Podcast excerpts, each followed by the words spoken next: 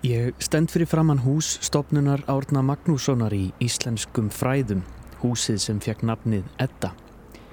Eitt af hlutverkum þessa hús er að varveita þær bækur og handrit sem fremur en margt annað í íslenskri sögu og menningu hafa markað og skilgreint fólkið sem hér býr, sérstaklega á síðari öldum.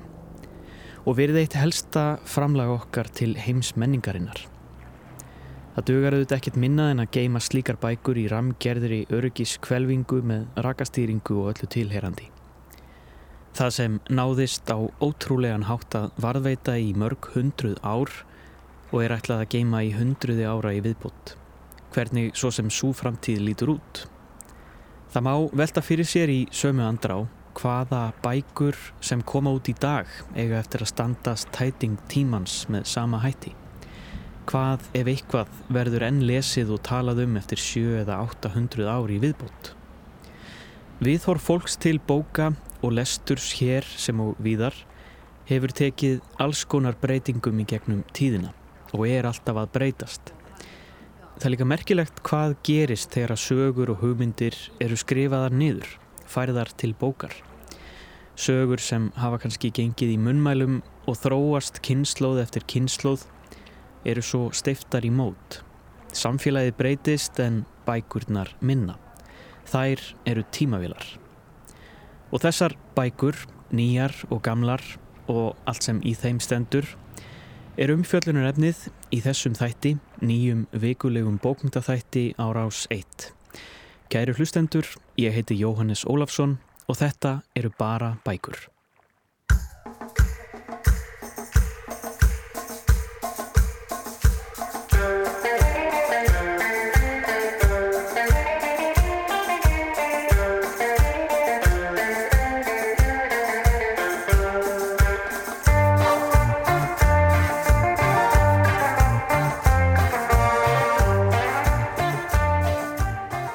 Það er aðalega tvent á dagskrá í þessum fyrsta þætti og má vel tengja það saman.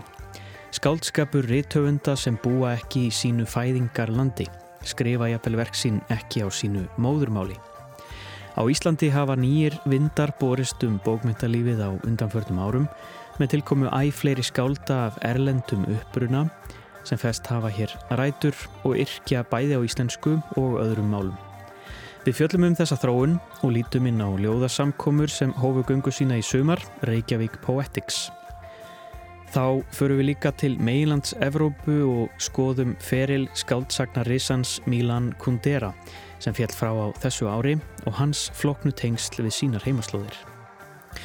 En meira um það síðar leiðum hugan aðeins aftur að bókum, almennt og heiti þessa þáttar, bara bækur.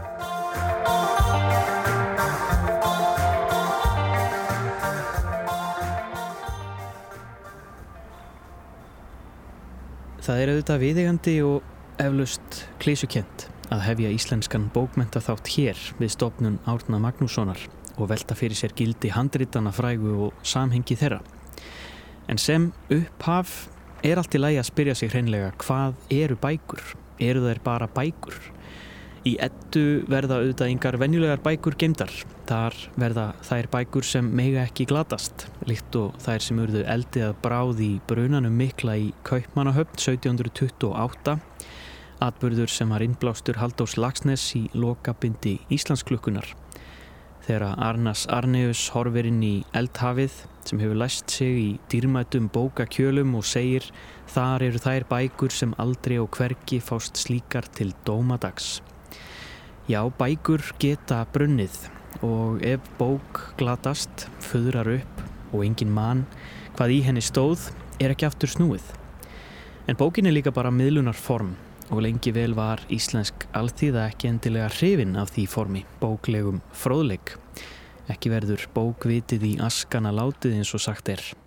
Það er alveg hægt að finna í rauninni umræðu á 19. öll hér á landi og væntalega víðar sko, um spillandi áhrif lesturs á ungd fólk mm. eiginlega það stundur bara umræða sem er minnir á sko, umræðu núna um tölvuleiki eða eitthvað slíkt að þú veist þetta unga fólk líki bara í bókum og það sé ekki hægt að, að, að fá það hérna til að vinna eitthvað erlegt verk og, og, og á þeim tíma í rauninni og, og reyndar löngu fyrir sko að það, vestubækurnar eru sko, lígisögurnar mm. sem að kirkjan hafi barist gegn og allar, getur sagt, allir þessir ópraktísku tekstar mm. sem að nú á dögum sko þykja það alfínasta mm. að sé að skáldin svona að fylgi því meiri virðingar til að vera höfundur að, að hérna kannski praktískari texta -hmm. en svo er þetta reyndar að, að breytast ég held að, að maður finnir það bara í umræðum fjölmiðla og umræðum í kringum sig að, að það eru svo margar aðrar miðlunar leiðir fyrir sögur mm -hmm. Hvort sem það er sjónvastættir eða kvikmyndir eða, eða efnisveitur og svo framvegis ja. og hlaðvörp og svo framvegis mm. og uh, ég held að sé pínliti hættulegt eitthvað neðin að gera miðlunarformið sjálft og sem það er bókin já eða vídeospólan eða, eða þú veist frásögn versus kvikmynd og svo framvegis að, að halda að líki ykkur svona sérstök gæði í miðlunarforminu sem slíku maður er með miskoða bækur og miskoða kvikmyndir og miskoða hlaðvörp og miskoða tölvuleiki. Mm -hmm. þannig að það og, og, og þetta er greinlega ofsalega mikilli ferð núna þar sem að hérna fólk hlustar á bækur eða hliður niður bókum eða, eða býður eftir bíómyndinni.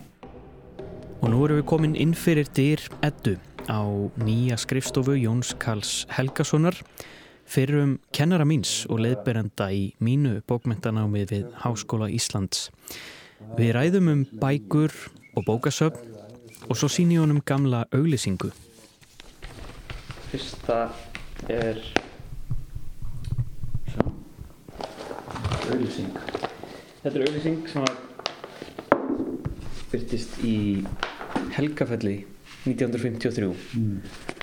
þetta er bara á fremstu síðinni hérna er verið að auglýsa verk fórlagsins með hagkvæmum afborgunar skilmálum mm. og það eru öndvegisverk þjóðarinnar Jónas Hallgrímsson Ljóðasafn Rittsab Daví Stefanssonar Haldur Lagsnes, Gunnar Gunnarsson og margt fleira Helgafell Helgafell býður yfir bókmyndir en ekki bara bækur. Mm -hmm svo er aftur hérna sko 55 þetta er í mokkanum þetta er viku eftir að Haldur fær Nobelin Já. og það er sama hérna það er verið að auglýsa sko jólagjöf. Jólabækunar eru konar mm -hmm. eins og við þekkjum. Og þau kalla sér Nobelsveluna fórlegið gefur út bókmyndir, ekki bara bækur. Umtalast að bók heimsins í dag ég held ég að vera með þessu auðvisingu í bókinu minnum Ragnar í Smáraðin en það? pælti mikið í honum sem auðlýsingasmið sko. ég hef nú ekki rannsakað sko beinlýnis hvernig merking orðsins bókmyndir hefur þróast í gegnum tíðina mm -hmm. en ef við tökum það orð bókstaflega að um, það var það nú frekar svona að vísa í einhvers konar mentun eða fræðslu eitthvað slíkt en uh, hins vegar bara ef við skoðum getum sagt nýjustu bókmyndarsög okkar Íslandinga mm -hmm. þetta ekki að binda verk sem að kollegar hér við háskólan Íslenskar bókmyndir Íslenskar bókmyndir Saga og samhengi heitir þetta rít að, að, að þar kannski eða sko ef maður skoðar efninsýldi að, að þar er eiginlega bókmyndir farið að merkja skálskapur frum sami skálskapur á íslensku mm. þannig að það er kannski líklegt að, að merking orðsins hafi svona svolítið umturnast og, og maður sér að, að Ragnar í smára vendarlega sem er að semja þessar auglýsingar fyrir fólagsitt Helgafell. Ég, mér finnst ég sjá svona hans handbrað svolítið. Að hann, hann bætir hérna við sko öll verk fórlagsins með hagkvæmum aðborgunar skil, skilmálum. Flest öndvegisverk þjóðarunar eru gefið út hjá Helgafelli þannig að að bókmentir fær líka svona sko, merkir ekki bara skálskapur heldur svona bestu verk, öndvegisverk. Mm -hmm. og kannski fær það svona snerta svolítið þetta alþjóðlega hugtaka að tala um kanon eða kanonu uh, sem er svona já svona úrval.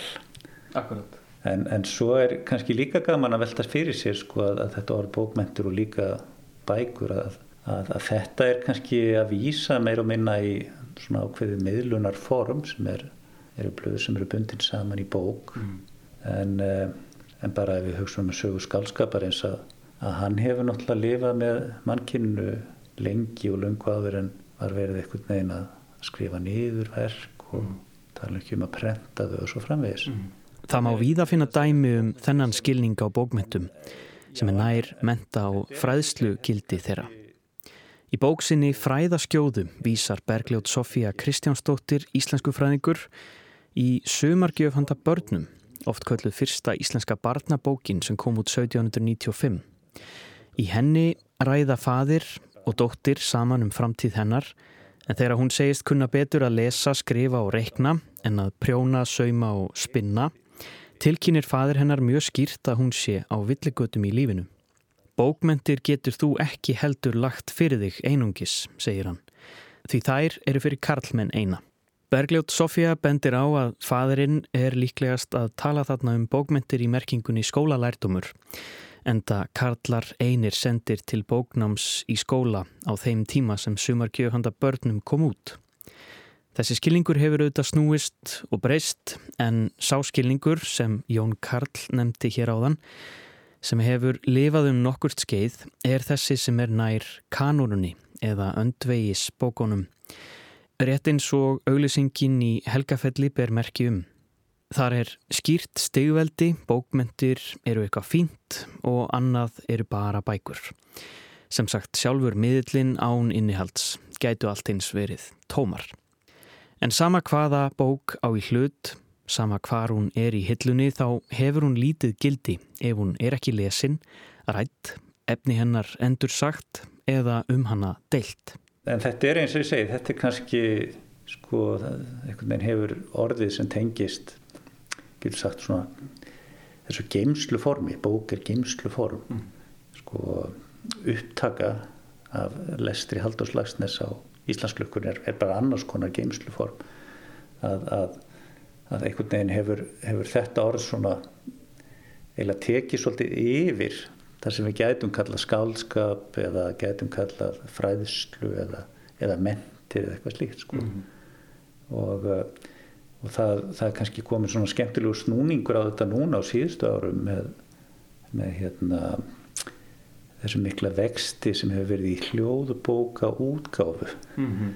og, og það er náttúrulega orð sem kannski passar ekkit vel við, ég menna hljóðbók minnir ekkit á bóklengur í að vísu hérna, er með í fórum mínum eh, tíu kassetur þar sem Einar Ólafur Sveinsson er að lesa upp hérna njálu og það, það er ekki bók, það er svona, það er svona kassi með kassetum. En, en nótugum er, eru þessar hljóðbækur, það eru hljóðskrár og það eru eiginlega ekki áþreifanlegar, þú fær bara það er eitthvað hérna, app og svo framvegis.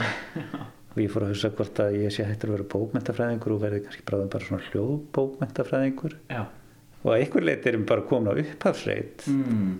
hinn er sko munlegu miðlunar skálskaparins eða sagnana eða frásagnana og svo framvegs mm.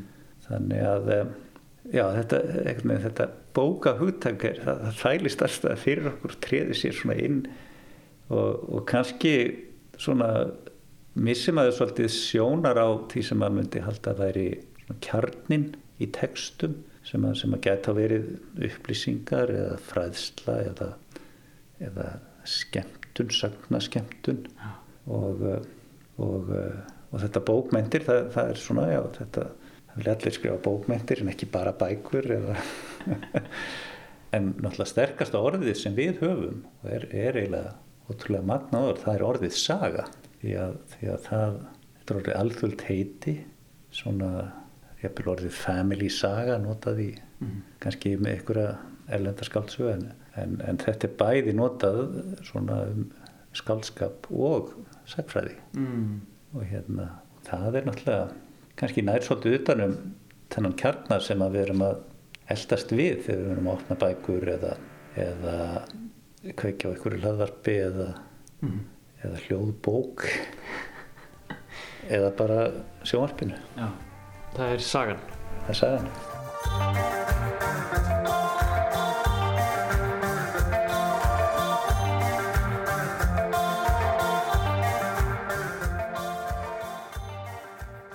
Við ætlum að skilja við þessar almennu hugleðingar um bækur í byli Víkjum væntalega að þeim einhver tíman aftur.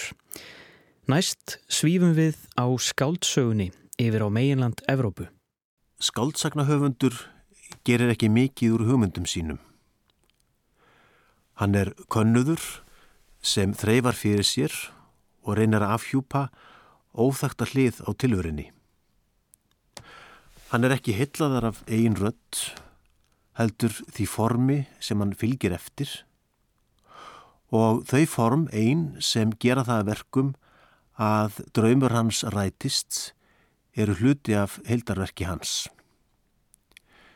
Fílding, Stern, Flóber, Prúst, Fókner, Selín. Rittöfundurinn skrifar sig inn á hið andlega kort síns tíma. Þjóðarsinnar inn á kort hugmyndasögunar. Eina samhengið sem hægt er að nota til að átta sig á gildi skáldsögu er samhengi sögu skáldsögunar. Skáldsaknahöfundurinn þarf ekki að standa neinum öðrum en servandesi rekningsskil. Svona hóf Fridrika Rapsson þýðandi um fjöllun sína um reytöfundin Milan Kundera og það eru fáir hér á landi sem hafa reynd meira í verk Kundera. Kundera lést fyrir skemstu 94 ára að aldri. Hann fættist í Brno árið 1929 í Tjekkoslovakíu og átti farsælan reytöfundaferil bæði í Evrópu og víðar. Samband hans við heimaslóðir sínar í Tjekklandi var fremur flókið og bjó hann eins og þekkt er lengst af í Fraklandi. Þar sem hann skrifaði mörg af sínum þekktustu verkum eins og bókina um hlátur og glemsku og óbærilegan léttleika tilverunar. Kundera var kvorki tjekneskur nýja franskur höfundur en eins og Fridrik Rapsson skrifar um hann í eftirmála óbærilega léttleikans Kundera var evrópskur höfundur og umfram allt býran í skáltsugunni.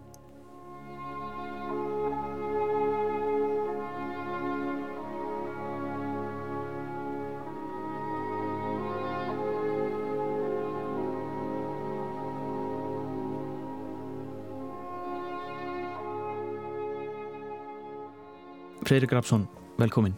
Takk að þér. Um, tekstar Milan Kundera hafa uh, líklega velst um í, í þínum, þínu höfði meira heldur en flestra Íslendinga um, og, og höfundaverkið, já það liggur bara hreinlega fyrir á íslensku. Stendur eitthvað eftir og klára? Uh, nei, það er allt komið sem hann svona gengst við og kom út í heldarsafni fyrir nokkur mánu síðan í Fraklandi í svona afskaplega verðulegri uh, röð sem heitir Pleiad svona heimsbókmyndaröð, stærsta forlags í Fraklandi uh, þar er semst allt sem að hann svona telur vera sitt höfundaverk. Þar eru ekki svona tækifæri skreinar ímsar sem að honum þykir nú ekki svona kannski eitthvað til þess að varðvita mikið. Ljóð svona frá fyrstu árónum hann byrjiði að yrkja eins og margir mm -hmm. höfundar og eitt leik held ég sem honum finnst nú bara að vera eitthvað svona berskubregg líka. Þannig að, að það er ekki allt sem hann hefur sett á blað en allt sem honum finnst ná máli sem hluti af höfundaverkinu. Já, Já hvenar, hvenar vissir þú að, að þetta væri höfundur sem einhvern veginn þyrti að, þyrti að þýða og, og höfðaði svona rosalega til þín? Það, þetta byrjaði nú fyrir, já nákvæmlega 40 ára síðan 83 þá hafði ég lesið eftir hann uh, leikrit sem heitir Jakob og Mestarinn sem er byggt á frægri átjöndaldars sögu eftir Diderot mm. Jakob Folla sinni og mestari hans og uh, mér fannst þetta bara svo ofbáslega, ég var í uh, tímum, svolítið tíma í leiklist, eða sem sagt leikúsfræðum mm. þegar ég var í námi í Fraklandi og uh, mér fannst þetta bara svo ofbáslega skemmtilegt að uh, ég ákvaða að taka það eins lengra og, og, og hérna og því það er svona aðalega mér til gamans ég var ekkert svona spáið þá og svo las ég reyndar bóku sviparleiti, bókinu um hlátur og glemsku sem var að sama. Það er eitthvað svona, er eitthvað svona gáski leikur með hugmyndir, kringumstæður personur húmor og heimsbyggi og hugliðingar sem mm. hann tvinnar ótrúlega skemmtilega saman. Já og uh, þannig ég fekk bara uh, áhuga á honum uh, og, og þýtti leikritið og sendi stúdendarleikúsinu sem þá var mjög virt hérna og þau settu það á svið í Tjarnabjúi í upphafi 84 og þannig svona fór þessi bolti að rúla um svipaleiti og þannig bara þetta tilviljun örlagana að þá kom um svipaleitum þessi síning var sett upp hér þá kom út í Fræklandi bókin Óbærlegu lettlíki tilvörunar sem ég las strax og hún kom út og, og fannst algjörlega frábær mm -hmm. sendi Haldur Guðmundsinni sem þá var útgáðistjóri hjá Máli og menningu eh, svona lýsing á bókinni og, og sagt, stakk upp að því eh, komið þá til lug að hvort að þau verið til í að gefa hann út og mm hann eh, samþýtti það, þau samþýttu það og, og, eh, og þetta sem þetta var svona, já, um það vil 40 ára æfintýri sem að laug faktist uh, af minni hálfu allavega í, í fyrra þegar að uh, Sviki verðarskrána uh, Greitgerðarsafn kom út og, og þar með heldarverkið til á íslensku.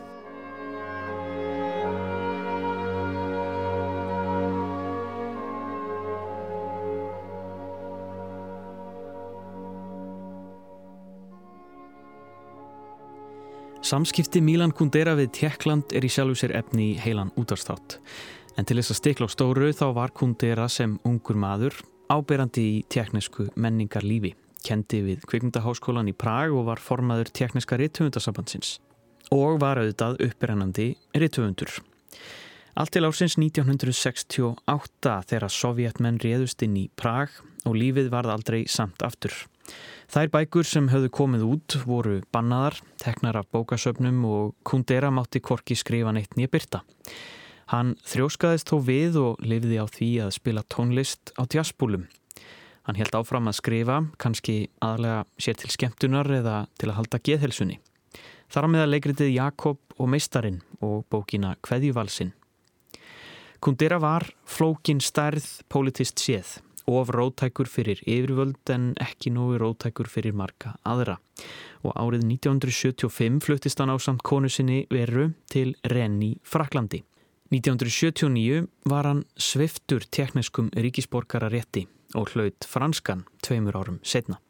Þetta þótti ymsum af uh, bæði uh, þeim sem byggu í Tjekklandi og eins brott fluttum tjekkum út, uh, þeim sem hafði farið útleið mm.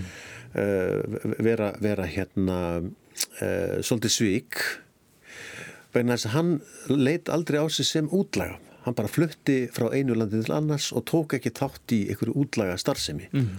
þannig hann, hann, hann, hann tilherði hvorugum hópnum raunflega ja hefur alltaf lagt áherslu á það að hans er fyrst en skálsegnahöfundur og listamæður og, og, og þetta síðan eh, heldur áfram að kræma alltaf mikið jável eftir að, að sagt, sko, kommunismin fellur þá eh, var gert tilgall til hans kontur og heim og hjálpaði okkur við að byggja upp.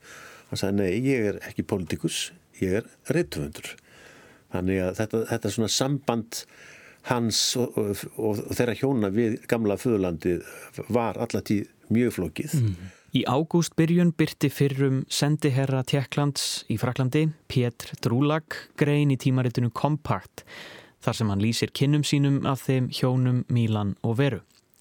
Drúlag segir frá augnablikinu árið 2019 þegar að hann eftir smá ræðu afhendi Mílan Kundera skjál því til staðfestingar að hann hefði endurheimt tekniskan ríkisborgararétt.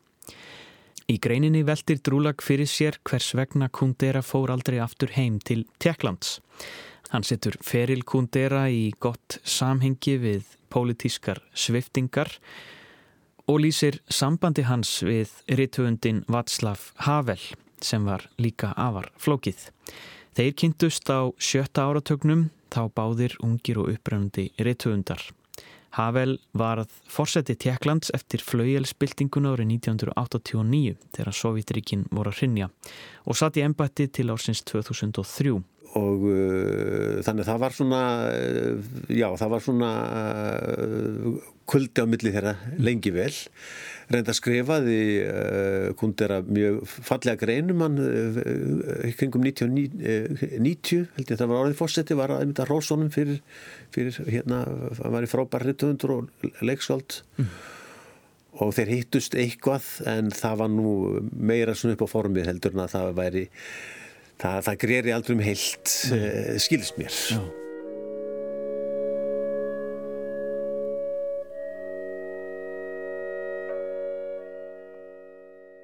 En eftir Milan Kundera stendur höfundaverkið og það allt saman á íslensku. Í lok greinar sinnar um flókið samband Kundera og Tjekklands skrifar Pétr Drúlag í stuttumáli við þurfum að endur lesa Milan Kundera. Ég bjónist um til orð sem að ég uh, efastum að segja til í orðabók sem lýsur honum að geta. Mér finnst að vera svona djúb fyndin höfundur.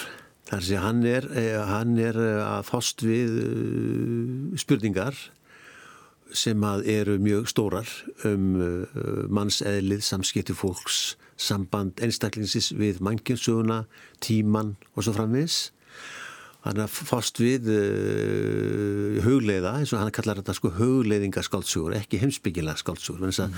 Heimsbyggilega skáldsúr er að setja heimsbyggilega kenningu í ákveðan búningsskáldsúnar sem að Sart til dæmis gerði Já. en hann uh, gerir það ekki það, það, hann er frekar að spyrja hugsa og spyrja og, uh, og, en gerir það jáfnframt á, á hátt sem er svona lettleikandi og skemmtilegur mm og er ekki predika hann er frekar að stríða okkur, augra poti okkur og leiða okkur í alls svona uh, skemmtilegar gildur mm dregur hér áfram og setur okkur, okkur og aldrei vandræðilega stöðu og uh, það er svona þessi svona já, leikur með hugmyndir, leikur með aðstæðar og personur sem að er kannski það sem að uh, enginn er svona frásagnar gleði í orðsins fylstu merkingu. Mm. Það er mhm. það sem að hellaði mig allavega og hefur alltaf gert. Já.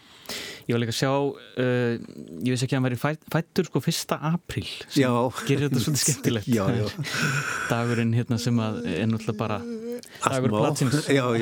Já, já, það er náttúrulega bara eina þessum lífið er skopleg tilvílun síðan á einu stað í bókunum hans og, og, og það, það, það, það passar vel við þetta. Já. Uh, Fredrik, mér langar að lokum að, að tala eins um það sem að uh, Drúlag talar um í, í lok þessara greinar. Hann talar um að núna þegar að uh, tímanir hafa breyst og, og pólitíkin hefur breyst og sko hann talar um að, að endur, það þurfa að endur lesa mm. kundera. Mm. að læra metan svolítið upp á nýtt og skilja hann svolítið upp á nýtt. Já, ég held að, ég held að það sé alveg rétt hjá honum. Það, það er um, uh, til dæmis fyrsta saganars brandarinn. Hún var lengi vel lesin sem svona uh, pólitísk ádela Uh, sem er uh, að mati kundara rámt þetta er fyrst og næst ástasaga mm. þetta er fyrst og næst ástasaga svona uh, skopleg ástasaga eða, eða, eða grátbróstleg eins og, eins og flestarans bækur eru Já. og það er það sem að hefur það yfir, yfir svona tíma og rúm það er sko það sem hann byður fólk alltaf að gera og, og, og hann uh, greinahöndun tala líkum að sko er að lesa verkin á þeirra forsendum. Að, að, að sko leif okkur að njóta uh, leiksins með form, höfmyndir og svo leiðis án þess að vera að draga það uh, inn í eitthvað, eitthvað tíðar anda samhengi. Og, og það er það sem að, sem að hérna Eh, er einmitt áskorinir fyrir lesundu núna. Þetta tímandi breytast og allt það eh, en, en, en, en ég held að þessa bækur eigi mikið erindi. Þess að eva, sko, eva higgja og, og, og, og svona hverjum svona, svona horfaldaldi svona á skopliðu hlið, hliðar jafnvel erfiðstu mála erfiðstu aðstana eins og eins hérna eh, hann hefur lendi, lendi og og mörg okkar lenda í annarkvort í stóra eða litla samingi sögunar mm -hmm. að, að, að svona, ef við, ef við sko, það er svona sá lífsþróttur og, og, og baráttu þreg í lífinu sem maður getur sótt í húmórin og það geta stíð eitt skrifa aftur og bak og spurt er þetta kannski ekki svona rosalega alvarlegt alls saman mm -hmm. við, er þetta eitthvað sem bara hérna, við getum yfirstíð og erum við ekki öll pínundi kjánaleg þegar við tökum allt alveg af döðans alvöru. Ja. og, og það er svona mjög stafsti afstæða til livsins sem kemur fram í bókunum hans og, og ég held að það sé holdt fyrir okkur öll alveg sama hverjar aðstæðar okkar eru í, í lífinu aður leiti Við lesum kundira áfram. Fridrik Rapsson, takk kjalla fyrir komuna. Takk fyrir mig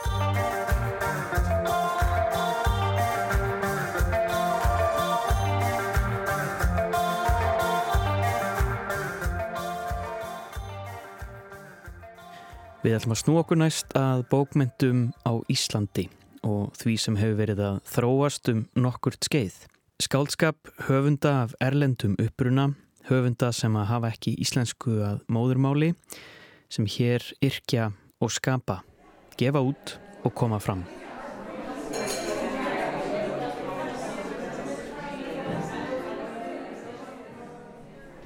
Einn blær sem varða fleiri röttum Tótt, hljómur, hljóð. Heyrðu? Dófið dölum skýrt, skilum samt engin orð. Nema hrinjandi líka magfors annars. Þegar þú andar að það sem ég anda frá mér. Við erum stödd á þriðja kvöldi Reykjavík Poetics sem haldi var á Keks Hostel í sumar. Þar var fólk samankomið til þess að hlýða á skáld sem fluttu ljóð sín og aðra texta og hljóðnuminn var líka laus fyrir fólk sem vildi koma fram og losa þessum skálda beinið í sér. Hér á Íslandi hefur nú um ára byl verið að myndast og stækka stór hópur aðfluttra skálda, má þar nefna Masen Haruf, Elias Knörr og Evu Marcinek. Útgáfuhúsið Una hefur upp á síkasti verið í farabróti útgáfu texta þessa skálda hóps. Ljóðabók Natasju S. Máltaka á stríðstímum kom út undir merkjum Unu árið 2022 og hlaut bókmentavelun Tómasar Guðmundssonar. Auk hennar hefur Una gefið út tvö ritsögn og þar hefur Natasja einnig leikið likil hlutverk sem ritsstjóri og höfundur.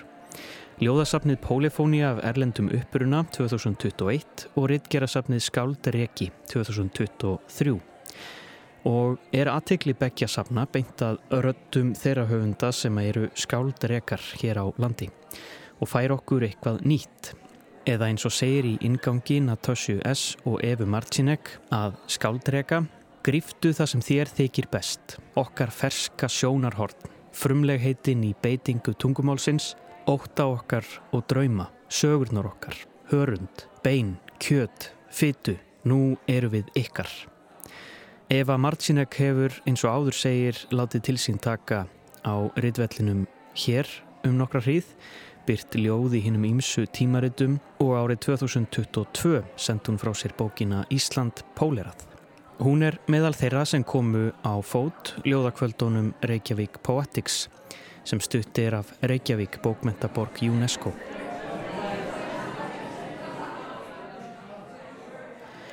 Og ég fekk til mín tvö þeirra skálda sem hafa komið fram á Reykjavík Poetics til þess að ræða aðeins stöðu innflytjenda bókmenta á Íslandi. Natasja S. og Má Alheimstóttir, ljóskáld sem fyrir tveimur árum hlaut nýræktar styrk miðstöðar íslenskra bókmenta.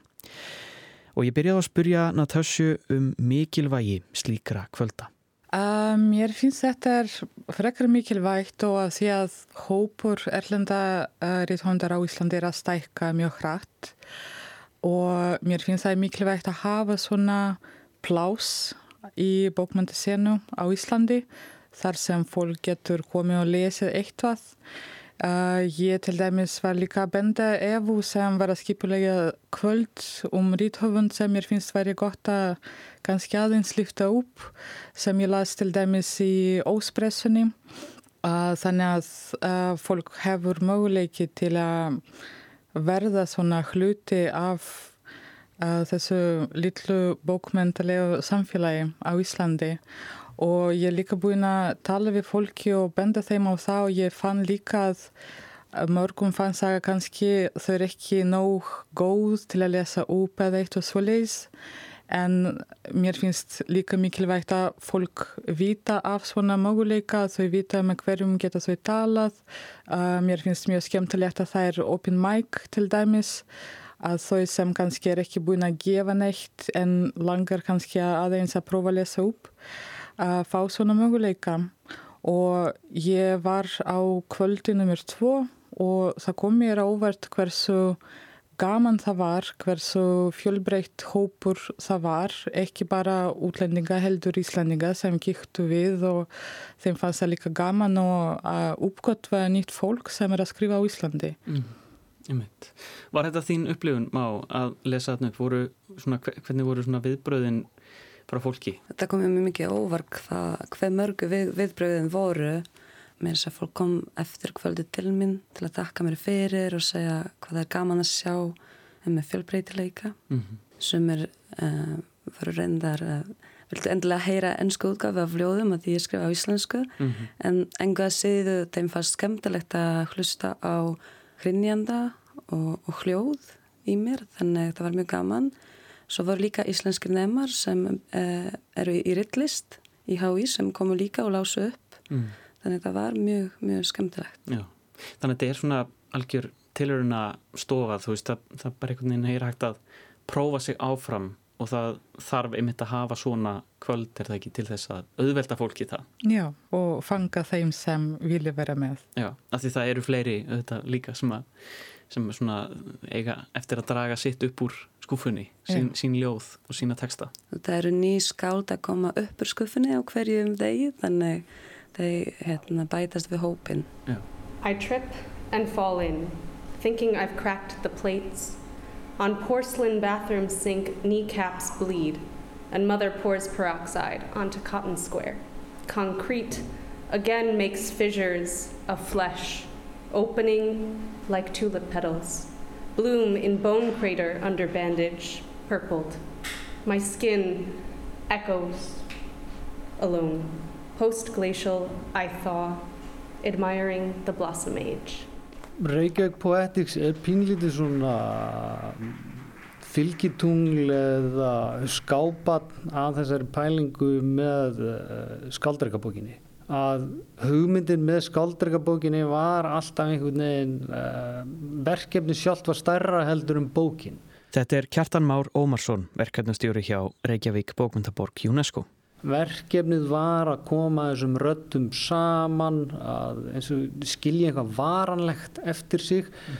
Og uh, helst ætlið við að reyna að ná að sko, halda málþingi kringum þetta þar sem var hægt að bjóða ennbættismönnum og fjölmiðlaum og öðrum eins og einhvern veginn láta þetta lifa lengur heldur en bara eitt staka miðbúr mm. uh, bókin sem form í þessu tilfelli er náttúrulega takmörkuð að því að hún er söguleg geimt á einhverju einu augnabliki í tímanum og ekkert annað og það kemst náttúrulega takmarkaður fjöldi fyrir innan bókarinnar mm -hmm. og okkur langaði líka að rækta einhvers konar samfélag í kringum þetta og það sem að Reykjavík Poetics í rauninni sko, hugsunin til þess að byrja með er að við höfum sko, einhvern svona örugan vettfang fyrir að mestuleiti erlendarattir á íslenskum skaldvelli til þess að koma og hittast og lesa upp úr verkum sínum mm.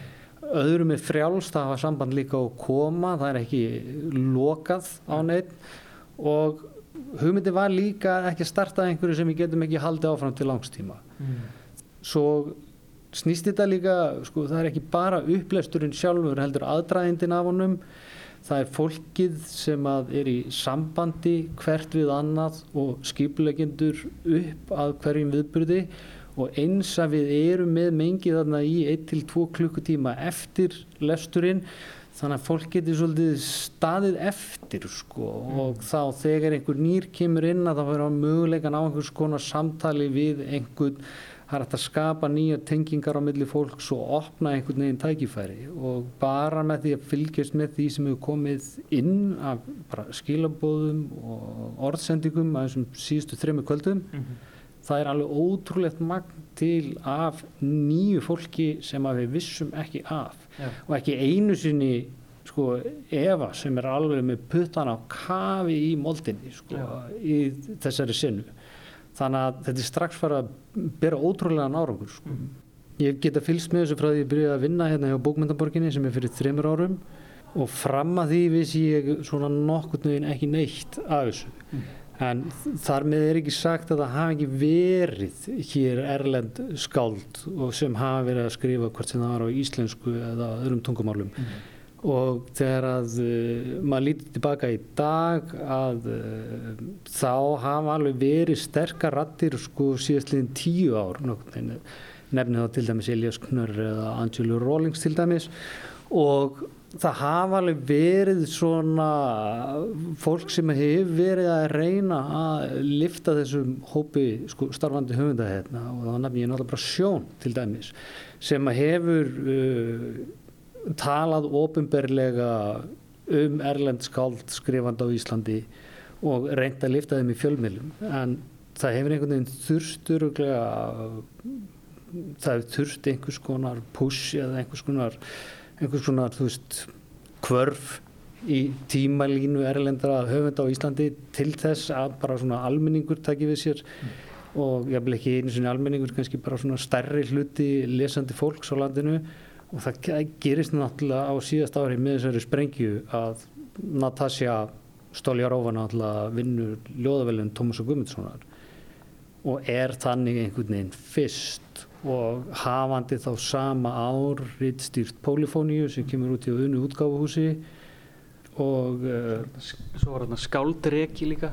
Já, skáldreki í rauninni kemur í kjölfarið á því og hérna skáldregi er í rauninni afvörð sem verður til út af gremju sko, hjá okkur í bókmyndaborginni sem vorum í samtali við þessi ellendu skáld Masen Maruf vinnur til dæmis í ráðhúsinu þannig að ég hitti hann á göngunum á til og það sprettur raunu og veru upp úr umræðu okkar um listamannalögin til erlendara skáld á Íslandi mm. og hugmyndin upprunalega var að reyna að búa til einhvers konar lobby efni. Þannig að uh, það væri ekki umræðan sko í kringum Erlend skrifandi skald og Íslandi væri ekki alltaf uh, einhvern veginn á þessum neikvæðu forsendum hvað aðgangur þeirra að einhvers konar styrkikerfinu væri heftur heldur hefðu einhvers konar plagg í höndunum það sem væri svona einhvern veginn á óeikendi hátt hægt að sína fram á uh, bókmyndalegt gildi þess að hafa erlenda rattir skrifandi á landinu. Mm. Hvort sem það skrifa á íslensku eða ennsku eða rúsnesku eða portugalsku er þannig sé aukaðatriði. Þú er með nýja sín á tungumál, á þjóðfélag, á skáldskaparhefð og uh, í rauninni mikil innspýting sko fyrir senuna hér líka. Má, mér langaði að spyrja þig út í uh, svona ljóðagjörning sem þú uh, varst með núna. Það voru ljóðabækur sem þú gafst, gafst út, ljóðabókin Ljóðatal Já. sem var gefin út bara í örfáum eintökum. Já, þetta var gjörningur, Já. svona útgafi gjörningur. Eh, það voru tólf bækur, nákvæmlega, pluss hérna tvær bækur, svona listamannabækur, svona AP, eins og við mm. kallum. Og það var ástæða til þess, það eru tólf ljóð í hverju bók. Mm -hmm eitt ljóð fyrir hvert mánuð þaðan 12 er svona tala uh, sem, sem skilgreini hvað verða mörg eintök og ég er líka ákvað að gera þessa bækur sjálf þannig það eru handbundnar mm -hmm. þannig já þessi bók er búin að vera lengi í skuffunni og ég var að býða eftir réttu tækifæri mm -hmm. til að koma henni út já. og ég vildi aldrei fara með hana til útgefanda í rauninni að því hún er það lítil og það sér stök að ég var ekki tilbúin að sætta mig við eitthvað sem ég væri ekki alveg sátt við. Já, já, já. En það er ljóðarlega frá því 2017, eða ekki? Jú, jú. Og, og þú ert búin að vera að sapna, eða að hugsa þetta sem þetta, eða eitthvað í, í áttina þessu, alla þennan tíma?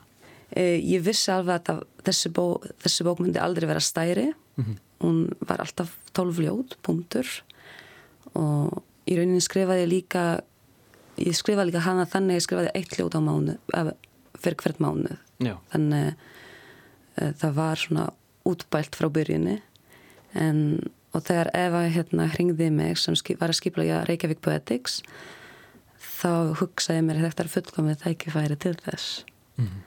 og þá líka ákvaði ég í stað þess að standa upp á sviði og lesa ljóð ákvaði ég að gera smá gjörning og, og smá hljóð svona að leik með því mm -hmm. Þannig að það var mjög skemmtilegt og uh, ég fekk rosalega hérna, miklar takkir fyrir, fyrir það, þennan gjörning og, og flutningin Það er flókið að koma inn í nýtt menningarlandslag og ákveða að yrkja á nýju tungumáli. Ég spurði inn að Tössu og Má hvernig aðlöguninn að bókmyndalífinu hér hafi verið. Mér, mér finnst einlega allt auðvöld, ganski af því að það er alltaf Eva Marcinek sem ringir í mig og segir bara Má, getur komið? Þeir segir bara já, hvert á ég koma? að ég er ekki Já, ég er kannski alltaf séðust að frekta líka hlutina. Þannig... Hún er algjör spröyta í þessu. Já, já. já, ég myndi segja hún og Natasha líka, mm -hmm. já.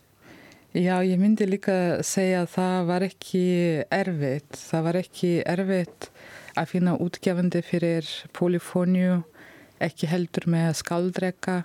Það var í rauninni svona hugmynd frá bókmyndaborginni með skaldreka, byrta rittgerðir mm -hmm. eftir ritthóndum og ferlundum úprúna. Þannig að mér líður eins og það er eftirspurn og innflytjanda bókmyndir á að fæðast frá innflytjandum. Þannig að það er í okkar höndum að gera það og um, mér fannst það var svona beðið spennt eftir það. Já og um, ég hef heyrt nýlega að það er svona auðvild að vera heimsfræg á Íslandi.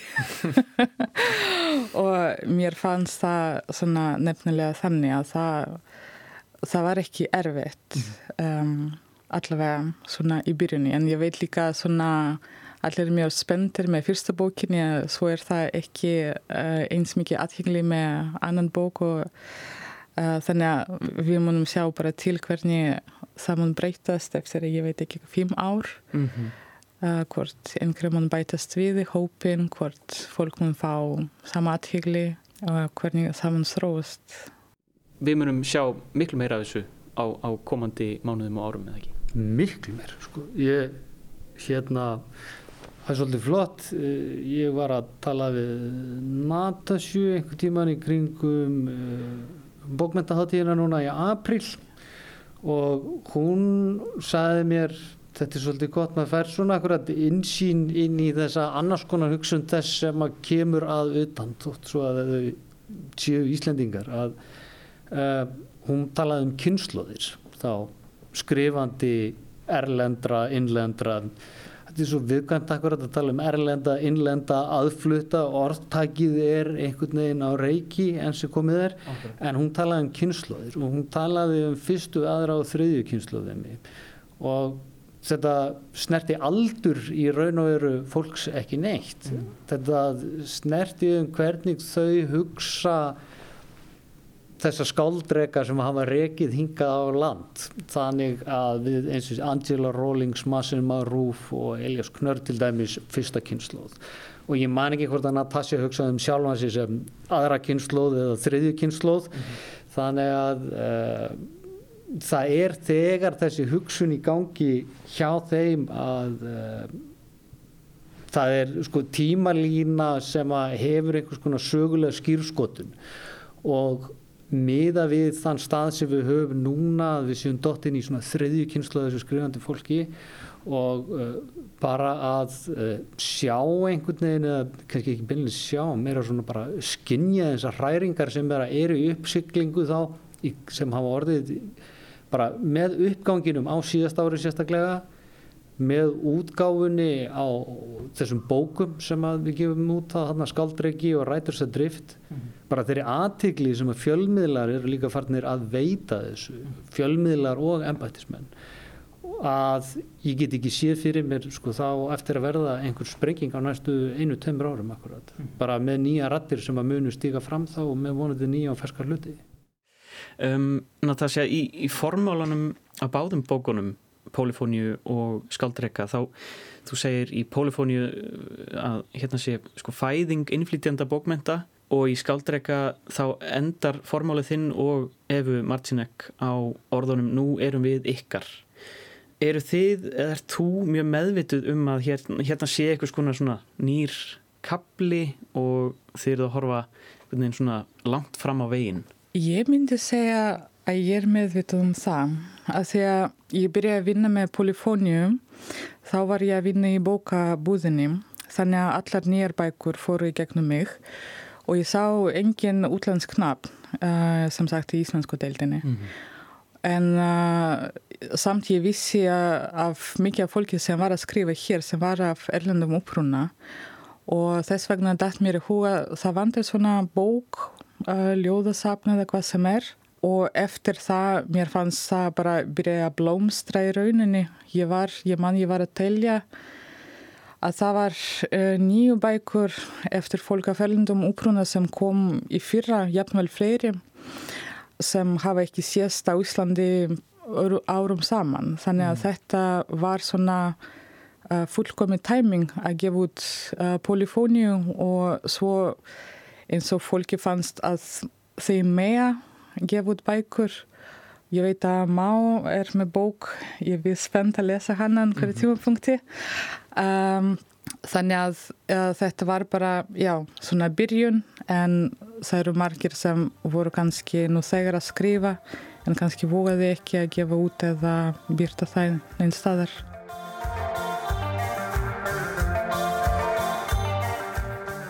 Það verður fróðlegt að fylgjast með fleiri ljóðum, bókum og upplesturum skáldana á Reykjavík Poetics og annara nýra skálda sem reglulega draga upp efni úr sínum skúfum. Og við munum að sjálfsögðu fylgja því eftir hér í þessum þáttum. En við segjum þetta gott í byli, þátturinn verður aftur á dagskrá hér næsta laugadag. Ég heiti Jóhannes Ólafsson, takk fyrir samfélgina og veriði sæl.